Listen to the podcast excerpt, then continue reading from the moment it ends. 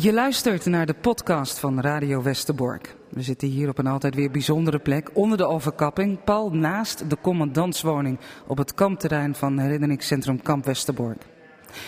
Met als gasten vandaag Wolfgang Kotek. Hij was acht jaar oud toen in zijn woonplaats Woepertaal in Duitsland de synagoge werd vernield tijdens de Kristalnacht. Ook Bas Kortholt is te gast. Hij is onderzoeker bij herinneringscentrum Kamp Westerbork en hij plaatst vanmiddag een en ander in de tijd.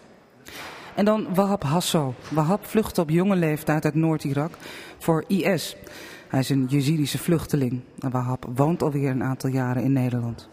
De column is ditmaal van niemand minder dan Dirk Mulder, die als directeur van het herinneringscentrum onlangs zijn afscheid afkondigde. Benieuwd waar zijn column over gaat. Dit is Radio Westerbork. Ja, we hebben zoals gezegd een uh, bijzonder gezelschap aan tafel vanmiddag. Wolfgang Kotek, in 1930 geboren in Wuppertal op 11 november. U bent bijna jarig en hij was uh, acht jaar toen de Rijkskristalnacht plaatsvond, ook in zijn woonplaats, het Duitse Wuppertal. En voordat ik bij u begin, zometeen even met, met uw permissie, even naar Bas, Bas Kortholt. De Rijkskristalnacht, uh, Bas, binnenkort 80 jaar geleden. Um, dat is een belangrijk moment in de geschiedenis met grote gevolgen. Wat gebeurt er?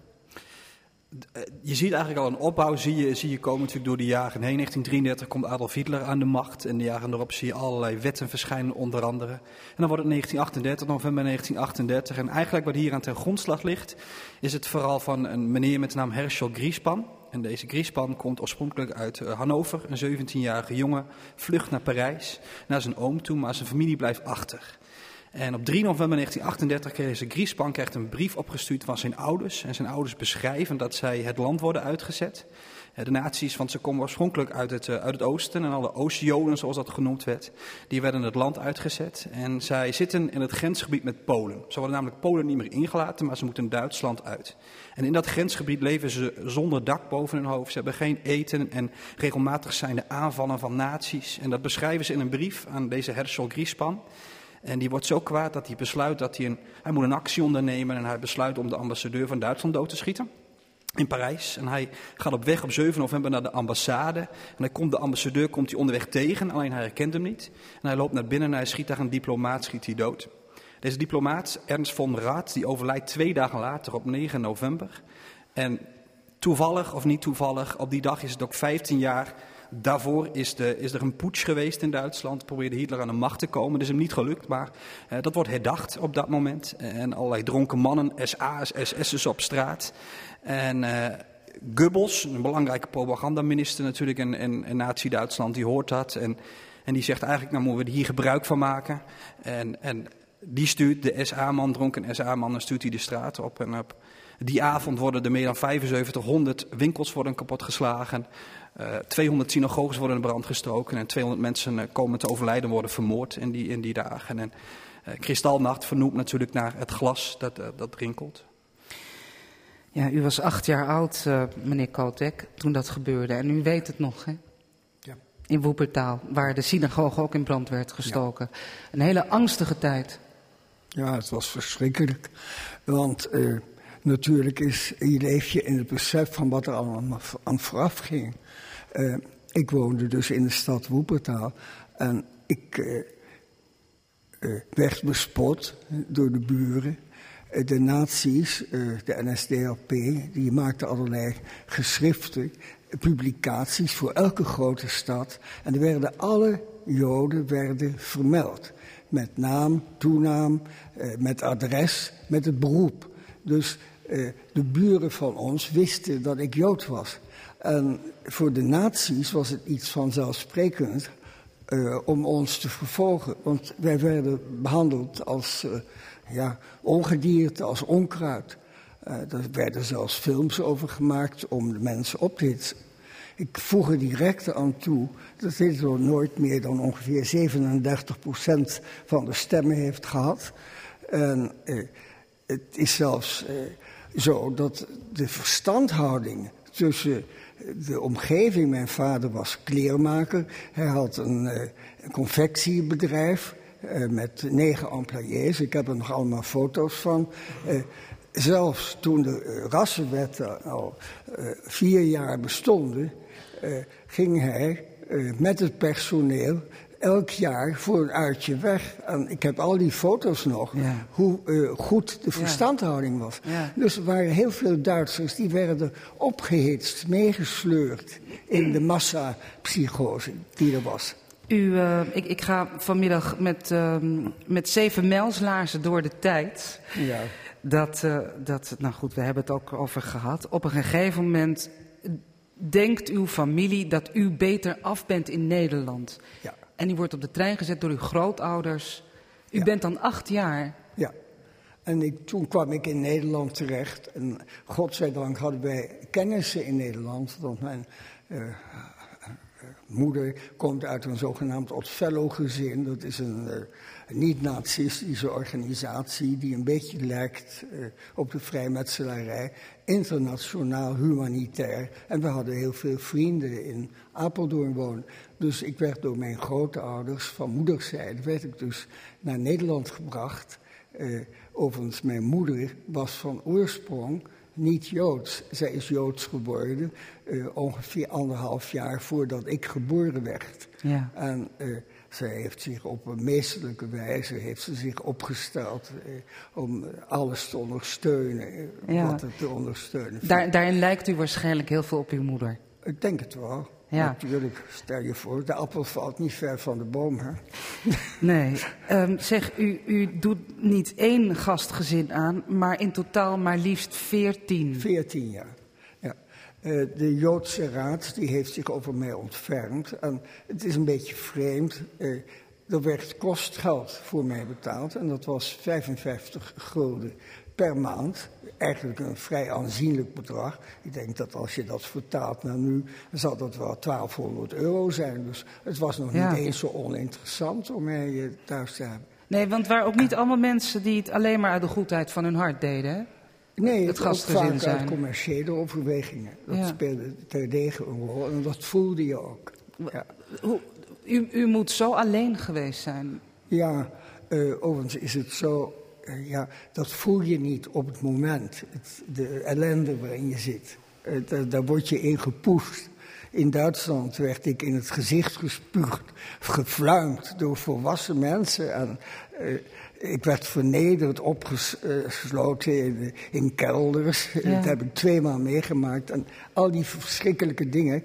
Er was dus een, in Duitsland een massapsychose aan de gang. En die werd eh, voornamelijk, u hebt het al vermeld, door de NSDAP werd die in het leven geroepen. Als Ja. ik een kleine correctie mag aanbrengen op hetgeen u zei. Het waren niet 300 synagoges, maar dat heeft men achteraf vastgesteld. Het waren er 1300 die eh, verbrand zijn. Nou, Maar- waarvan akte eh, Bas. Ja. Waarom eh, veertien gastgezinnen, meneer Kotek? ja. Waarom zoveel gastgezinnen? Ja, eh, dat was, ik was, kwam eerst bij Joodse gezinnen. En eh, die beseften eigenlijk helemaal niet eh, de ernst van de situatie. Ik vond dat men erg langmoedig eh, ermee omging met het feit dat ik daar was. eh, terwijl ik al als kind had ervaren wat het nazisme was. Ik heb hier aan mijn hand eh, 13 littekens. Ik werd door de, NS, door de Hitlerjeugd werd ik over de straat gesleept Ja. aan mijn benen. En er lag glas op de straat. Dus. Maar je werd ook wel weer geholpen. Het was een ambivalente toestand. Niet alle Duitsers waren nazi's. Dat is heel belangrijk. Wij praten verder. Eh, meneer Kotek, Wolfgang Kotek. eh, ja, u, u zei net, het is heel belangrijk om dat te zeggen. Niet alle Duitsers waren fout. En niet alle nazi's waren fout. Zei u dat nu? Eh, dat gebeurde sporadisch. Eh, het is heel merkwaardig. Ik denk bijvoorbeeld aan het feit eh, dat hier een eh, verzetsbeweging had binnen de kerken. Maar degene, die groep van Barmen, daar was geen één Joodse onderduiker. En bij de nazi-theologen, daar waren wel sommige onderduikers. Dit soort gekke dingen kwamen voor. Ja, u, u, bent op een gegeven moment ook geholpen door de Duitser Kalmaier. Ja. Ja, kunt u Eh, dat uitleggen? Karl Meijer was een hele vooraanstaande eh, Duitser. Eh, hij rapporteerde aan de instelling in Amsterdam die de deportatie regelde en noemde de namen. En omdat mijn moeder van oorsprong niet Joods was, deden wij net alsof ze niet Joods was. En dat was een groot verschil, want een Jood werd per definitie op de wachtlijst gezet uh, voor de deportatie. En uh, Kalmeijer, die onderzocht dat, die had de eindbeslissing. En die heeft een aantal duizenden Joden gered in de Tweede Wereldoorlog. Ik moest namelijk onderzocht worden of ik besneden was. En dat is natuurlijk een heel duidelijk signaal dat je naar, naar moet. En ik moest naar een dokter in Apeldoorn. En ik was stom verbaasd. Ik ben besneden, uiteraard, dat is normaal voor een Joods kind. En ik was opeens verbaasd. En ik dacht, die dokter, dat is een verzetsheld. Die heeft dat waarschijnlijk uh, voor donkere maand op een of andere manier in zijn rapportage aan de nazi's. Maar het bleek een hoge Duitse ambtenaar te zijn die later een Yad Vashem onderscheiding heeft gekregen voor het feit dat hij zoveel Joden heeft gered. Heeft dus die besnijdenis voor donkere maand. Ja, want inmiddels was het bezettingstijd en u heeft ook een tijd rondgelopen als Joods kind met een, met een jodenster. Ja, hè? ik heb op de Joodse school in ja. Apeldoorn gezeten. Ik heb een ster gedragen. Van de 55 kinderen waarmee ik op die school zat, in Apeldoorn, vlakbij Paleis het Loo, uh, daar zijn er maar vijf van teruggekomen. En de twee Joodse leerkrachten zijn ook gedeporteerd. Ja. En dan krijg je ook een beetje een survival guilt. Dat overvalt mij ook als ik hier in Westerbork ben. Dan krijg ik een brok in de keel. Uh, waarom ik niet en die anderen wel? Ja. Dat is een heel merkwaardig gevoel. Ja. Wat, wat gebeurde er in die tijd met uw ouders? Mijn uh, vader die moest uh, een week uh, voordat de kristalnacht begon, werd hij naar Polen gedeporteerd in de meest erbarmelijke omstandigheden. U hebt het erover gehad. En die wilde uiteraard uit Polen weg. En hij kreeg een verblijfsvergunning voor één maand om mij te bezoeken in Nederland. En toen is hij naar Nederland gegaan en toen brak de Tweede Wereldoorlog uit.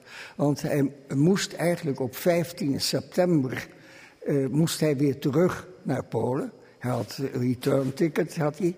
En toen uh, viel Duitsland Polen binnen. En daardoor is hij hier blijven hangen. Maar wel geregistreerd als Jood en ondergetrokken. Ja. Hij is ook op vele onderduikadressen geweest. Ja. Daar kan ik ook wat van over vertellen. Een hele dramatische toestanden. Mijn vader was bij de directeur van Van Gelder Zonen in Apeldoorn, de economische directeur, de heer Hartland. En dat was uh, de beroemdste Joodse verzetsheld uit de uh, Tweede Wereldoorlog. Dat was Jozef Badrian, de, eigenlijk de rechterhand van Gerrit van der Veen. En die, hij volgde hem op, Gerrit van der Veen, nadat hij de zoveelste verzetstaat had gepleegd, een overval op het uh, distributiecentrum van uh, persoonsbewijzen in Den Haag. Heeft hij enkele duizenden persoonsbewijzen, blanco persoonsbewijzen, heeft hij daar weggehaald. Heeft mensen uit de gevangenissen gesleept, omdat mm. hij... En ik heb daar Badriaan ontmoet, bij de heer Hartland. Dat is, was iets heel bijzonders. Ja. Hij was erg in mij geïnteresseerd, omdat hij ook een vluchteling was. U bent op een gegeven moment, en dat mag ook wel een wonder heten, ja, als je die woorden kunt gebruiken, ja. met uw ouders herenigd hè, na de ja, oorlog. Ja. Uw vader is dus al die tijd in Nederland gebleven en uw moeder heeft zich later. Ja, mijn uh, ouders zijn gescheiden met opzet, omdat mijn moeder door haar huwelijk een Poolse Jodin was geworden. En uh, nou ja, zij zou ook ge uh, gedeporteerd zijn geweest. En ze hebben afgesproken toen mijn vader uh, naar Nederland kwam, wij gaan uit elkaar voor de vorm. En ze waren ook direct na de oorlog weer bij elkaar. En daardoor, uh, ja, ze moest, uh, want men keek toch van de Duitse instanties op haar neer. Ze moest met, met kranten gaan, vent, gaan venten. en, nou ja, daardoor kreeg ze een presseauswijs. En met die presseauswijs is ze nog in het ghetto gekomen ja. van Lodz. En heeft daar mijn grootouders bezocht. Het was een, heeft daar voedsel gebracht. En een groot deel van. Ja. ja. een groot deel van de familie heeft het niet overleefd. De hele familie van mijn vader is vermoord. En dat is het beruchte verhaal van Gelmer. Ze zijn uh, vanuit Lodz zijn ze uh, naar Gelmer getransporteerd en dat ging in wagens. Uh, en de uitlaatgassen van die wagens die gingen naar die ruimte, die laadruimte waarin deze mensen waren. We hebben dus een verschrikkelijke dood gehad, mijn familie. Meneer Kotek, ik, ik ga even verder met Bas. Begrijp het. En zometeen praat ik met Wahab. En hoe we die werelden uh, samenvoegen, Bas. Daar hebben we over nagedacht. Daar heb jij over nagedacht, hè? Ja, dat is een ontzettend lastige vraag. En toen ik zelf nog geschiedenis studeerde, was altijd het eerste wat je leerde van ja, probeer niet geschiedenis met elkaar te gaan vergelijken. En, en elke historie heeft ook zijn eigen, eigen kenmerken, om het zo maar te zeggen. Maar wat je wel vaak ziet, is dat de reactie van mensen hetzelfde is. De reactie van mensen in Nederland, maar ook in Duitsland en ook in Irak, is voor een deel hetzelfde geweest. En als je nou kijkt naar, naar Nederland en je gaat kijken hoe de ontvangst was, meneer Kotek beschreef het net al hartstikke goed, ja, het was heel gemengd. En, en je ziet in de jaren 30 komen vluchtelingen naar Nederland toe en, en er zijn mensen die, dat, die ze proberen te helpen. En er zijn ook mensen die zeggen van ja, maar dat is slecht voor onze economie. En je hebt natuurlijk een befaamd spreekwoord, not in my backyarden. En het meest bizarre voorbeeld wat ik zelf altijd daarvan vind, heeft ook te maken dat we hier zitten, nu in kamp, uh, kamp Westerbok, dat dit kamp Westerbok heet, is dat in de jaren 30, eind jaren 30, moet het vluchtelingenkamp, het centrale vluchtelingenkamp er komen. En er wordt gedacht uh, aan een plek in de buurt van Apeldoorn. Uh, en, en, de gemeente is daar, is oké, en, en regering is oké. En dan is er één mevrouw in de buurt van Apeldoorn en die besluit een brief te sturen naar de regering met daarin de woorden not in my backyard. En in Nederlands vertaald natuurlijk. Ja, dat was een vrij belangrijke mevrouw, dat was onze koningin. Die wil geen vluchtelingenkamp. Mag wel, maar liever niet eh, bij haar in de buurt. En uiteindelijk komen ze dan terecht in, het, in de minst bevolkte provincie nog steeds van Nederland. Ja, dat is onze provincie, dat is Drenthe. En daarom staat Westerbork hier en heet het niet uh, Kamp nee. Apeldoorn of, of, of, wat dan ook. En ja, je benadrukt daarmee ook maar weer eens dat dit in, in oorsprong een vluchtelingenkamp ja. uh, was. Ja, Bas, jij uh, vertelt al over nou ja, het, het universele hè, aan vluchtelingen, oorlog en vrede. We hebben twee mensen vanmiddag aan tafel die daarover praten met uh, een mensenlever daartussen. En uh, ja, dat brengt me naar jou, Wahab. Mag, ja.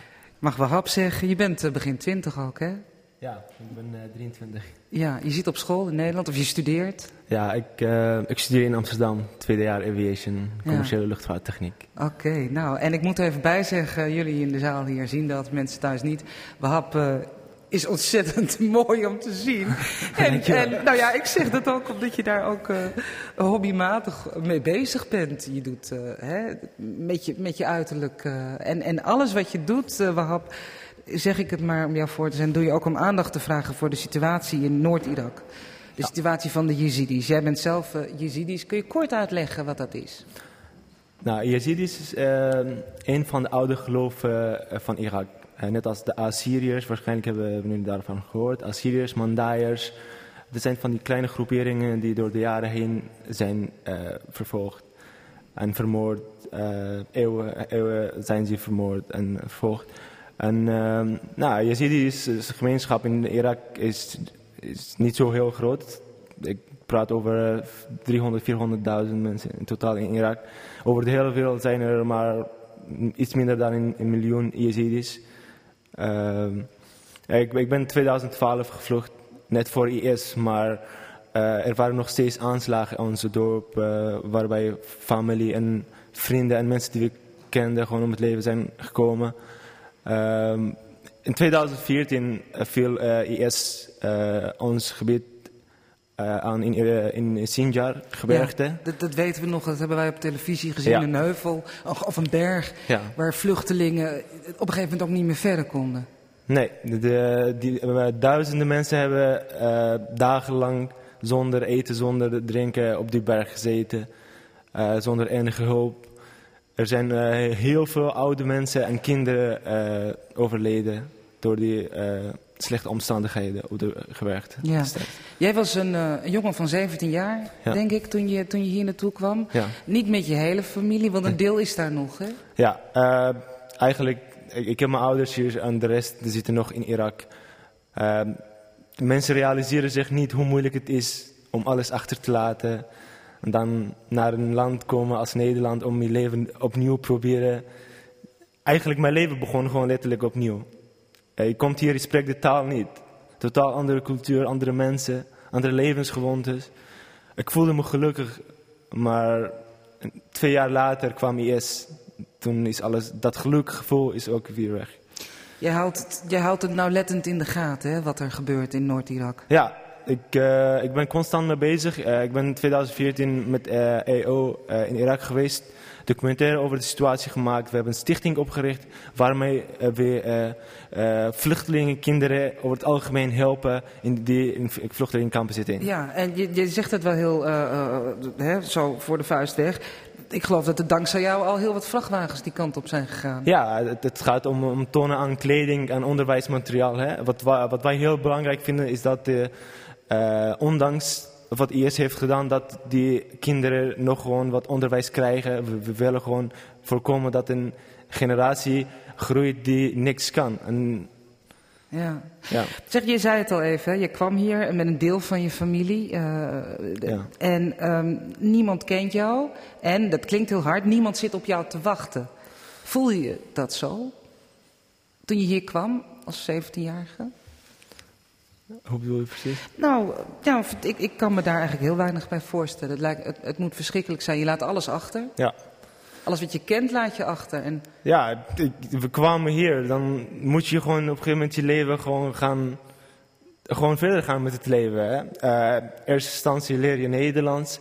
En raak je gewend dat bijvoorbeeld Nederlanders eh, favoriet eten stampot is of zo. Zulke dingen.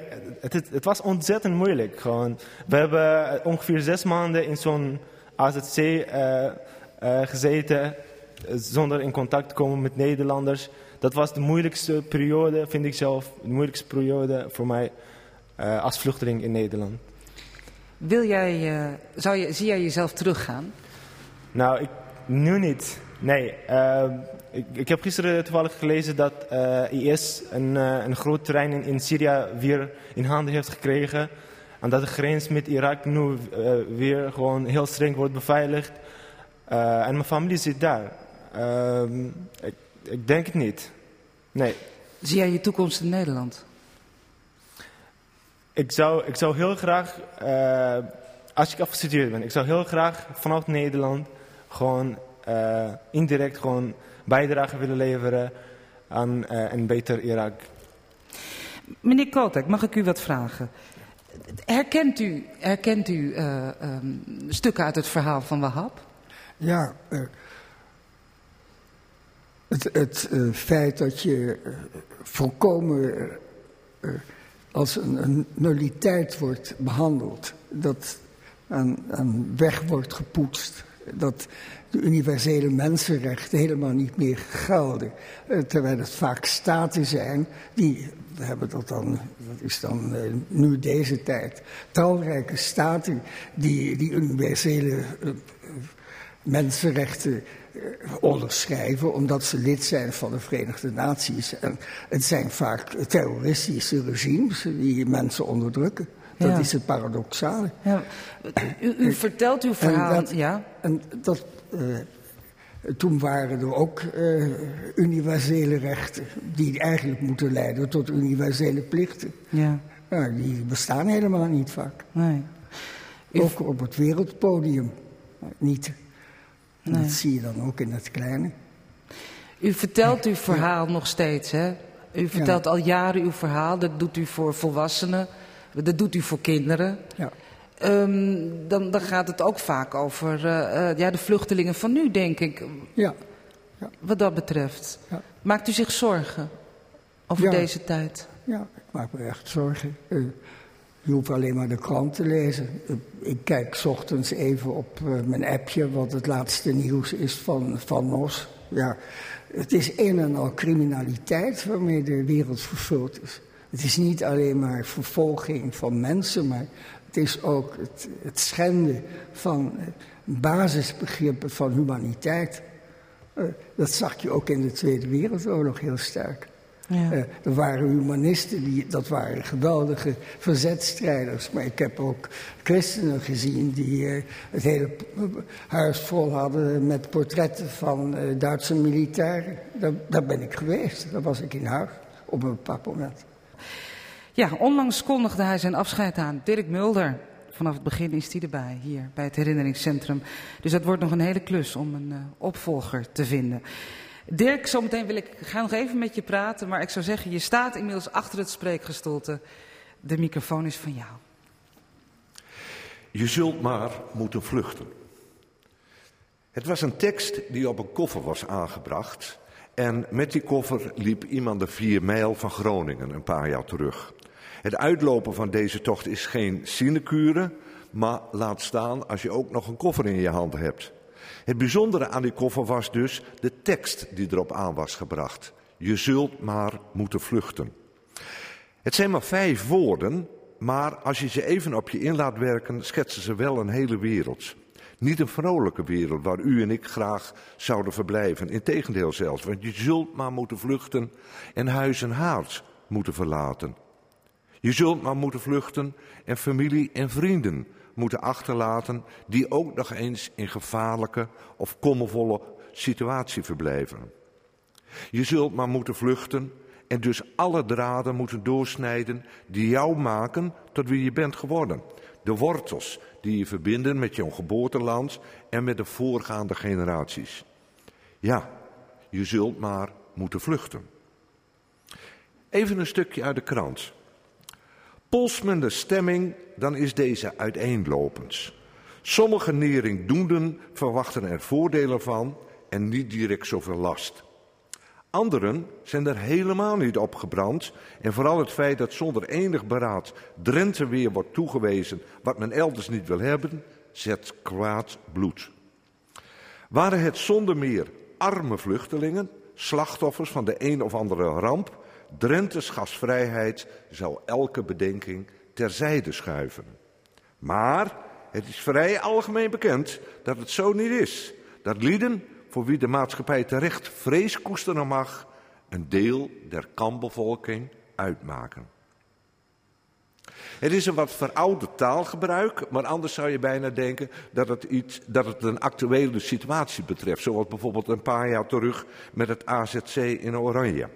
Maar dit is een bericht van oudere tijd en wel uit het najaar van 1939, toen het Centraal Vluchtelingenkamp Westerbork in gebruik werd genomen.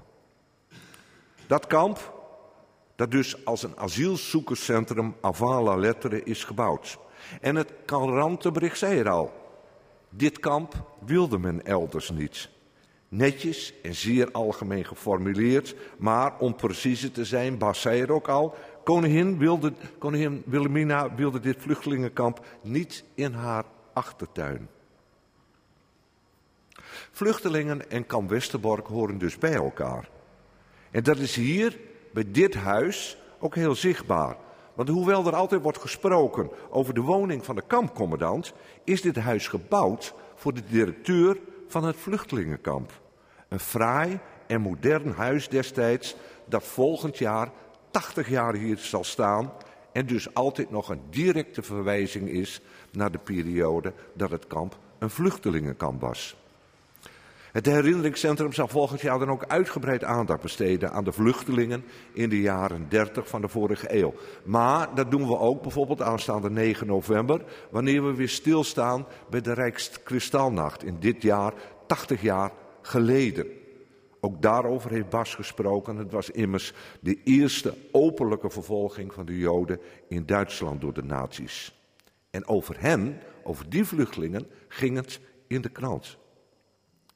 Mede als gevolg van die enorme vluchtelingenstromen uit Nazi-Duitsland hebben we ons met internationaal recht verplicht vluchtelingen te helpen.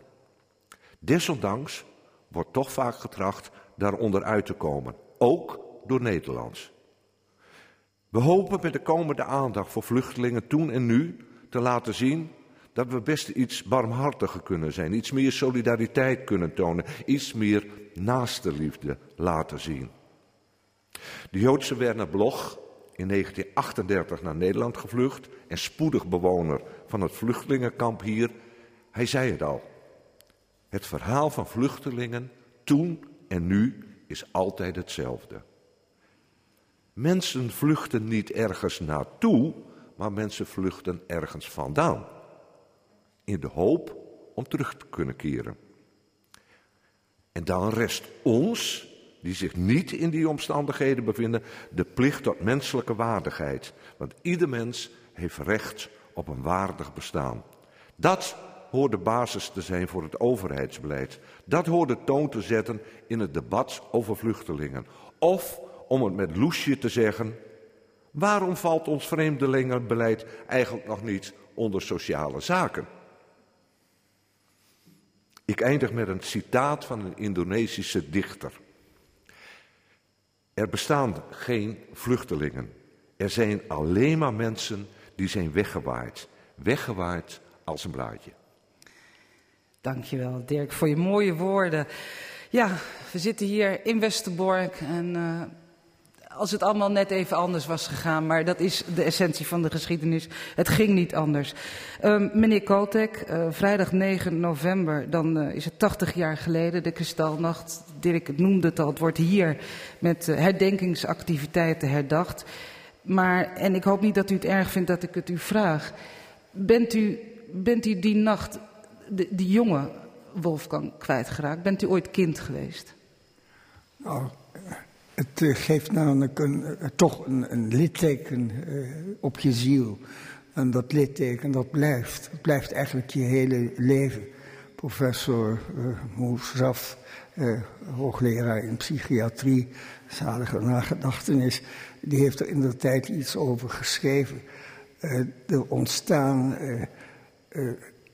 ja, deformaties in de persoonlijkheidsstructuur van mensen die de Tweede Wereldoorlog hebben doorgemaakt. Mutatis mutandis geldt dat ook voor mijn vriend die naast me zit. Je wordt daardoor getekend en dat blijft. Stoornissen in het hechtgedrag en in de ja, communicatiemogelijkheden met, met andere mogelijkheden. Ja. Maar ik heb me daar doorheen kunnen vechten. Maar ik heb het wel heel veel als arts gezien. Ja. Heel veel getraumatiseerde mensen die zich eigenlijk niet meer goed konden handhaven in de maatschappij en derailleerden. En, en ja, nu ik toch dan eh, persoonlijke vragen mag stellen. U, u, bent, uh, u bent al wat ouder en tot op de dag van vandaag vertelt u het verhaal. Waarom heeft u dat al die, al die jaren, hoe heeft u dat al die jaren kunnen doen en wat was uw motivatie? Nou, het is, ik doe het nog niet zo lang. Sipke Witteveen, die tegenover ons zit, ik weet precies hoe lang het is. Ik, doe, ik denk dat ik het een jaar of acht doe. Maar ik heb het ook in Duitsland gedaan. En aanstaande maandag eh, kom ik weer op de West-Duitse ja, rondvoer. Dan bent u op de WDR. Ja, hoe, hoe... vol uur geïnterviewd op ja. de televisie. Maar hoe, hoe, hoe is, en, is, Duitsland anders daarin? Of is dat uh, vergelijkbaar? Is, uh, bij de Duitsers is er op het ogenblik voorafgegaan door Angela Merkel, wir dürfen nicht vergessen. Dat is het credo op het ogenblik. En op het ogenblik zijn de Duitsers, afgezien van de militante rechtse groeperingen die veel schreeuwen, uh, is filosemitisch. Het is heel merkwaardig. De Joden voelen zich op het ogenblik vaak in Duitsland meer thuis dan in andere landen. Hmm. Uh, ja, omdat ze een beetje gekoesterd worden. Uh, met een soort, ja, schuldgevoel dat het toch wel aanwezig is ja. in verband met de voorouders. Ja. U, u noemde het al, ik, ik, zeg het ook nog even, de West-Duitse Rundfunk, de WDR, 20 over 11, morgenavond bent u daar te zien op de Duitse tv. Het duurt 45 minuten. Nou, Wahab, ik wil eigenlijk ook nog even met jou praten. En ja, het, ja, het klinkt wat raar, maar toen je 17 was hè, en, je, en je vluchtte, was jij toen ook kind af? Was je jeugd voorbij? Of zeg ik het uh, verkeerd? Nee, ik, ik denk dat het meer, uh, als er zoiets gebeurt, dat het wel echt een grote impact uh, heeft. Voor, voor, mij heeft het wel een grote impact op mijn leven gehad. Mijn jeugd is meteen weggehaald. Ik ben meteen volwassen geworden. Ik ben uh, meteen anders geworden.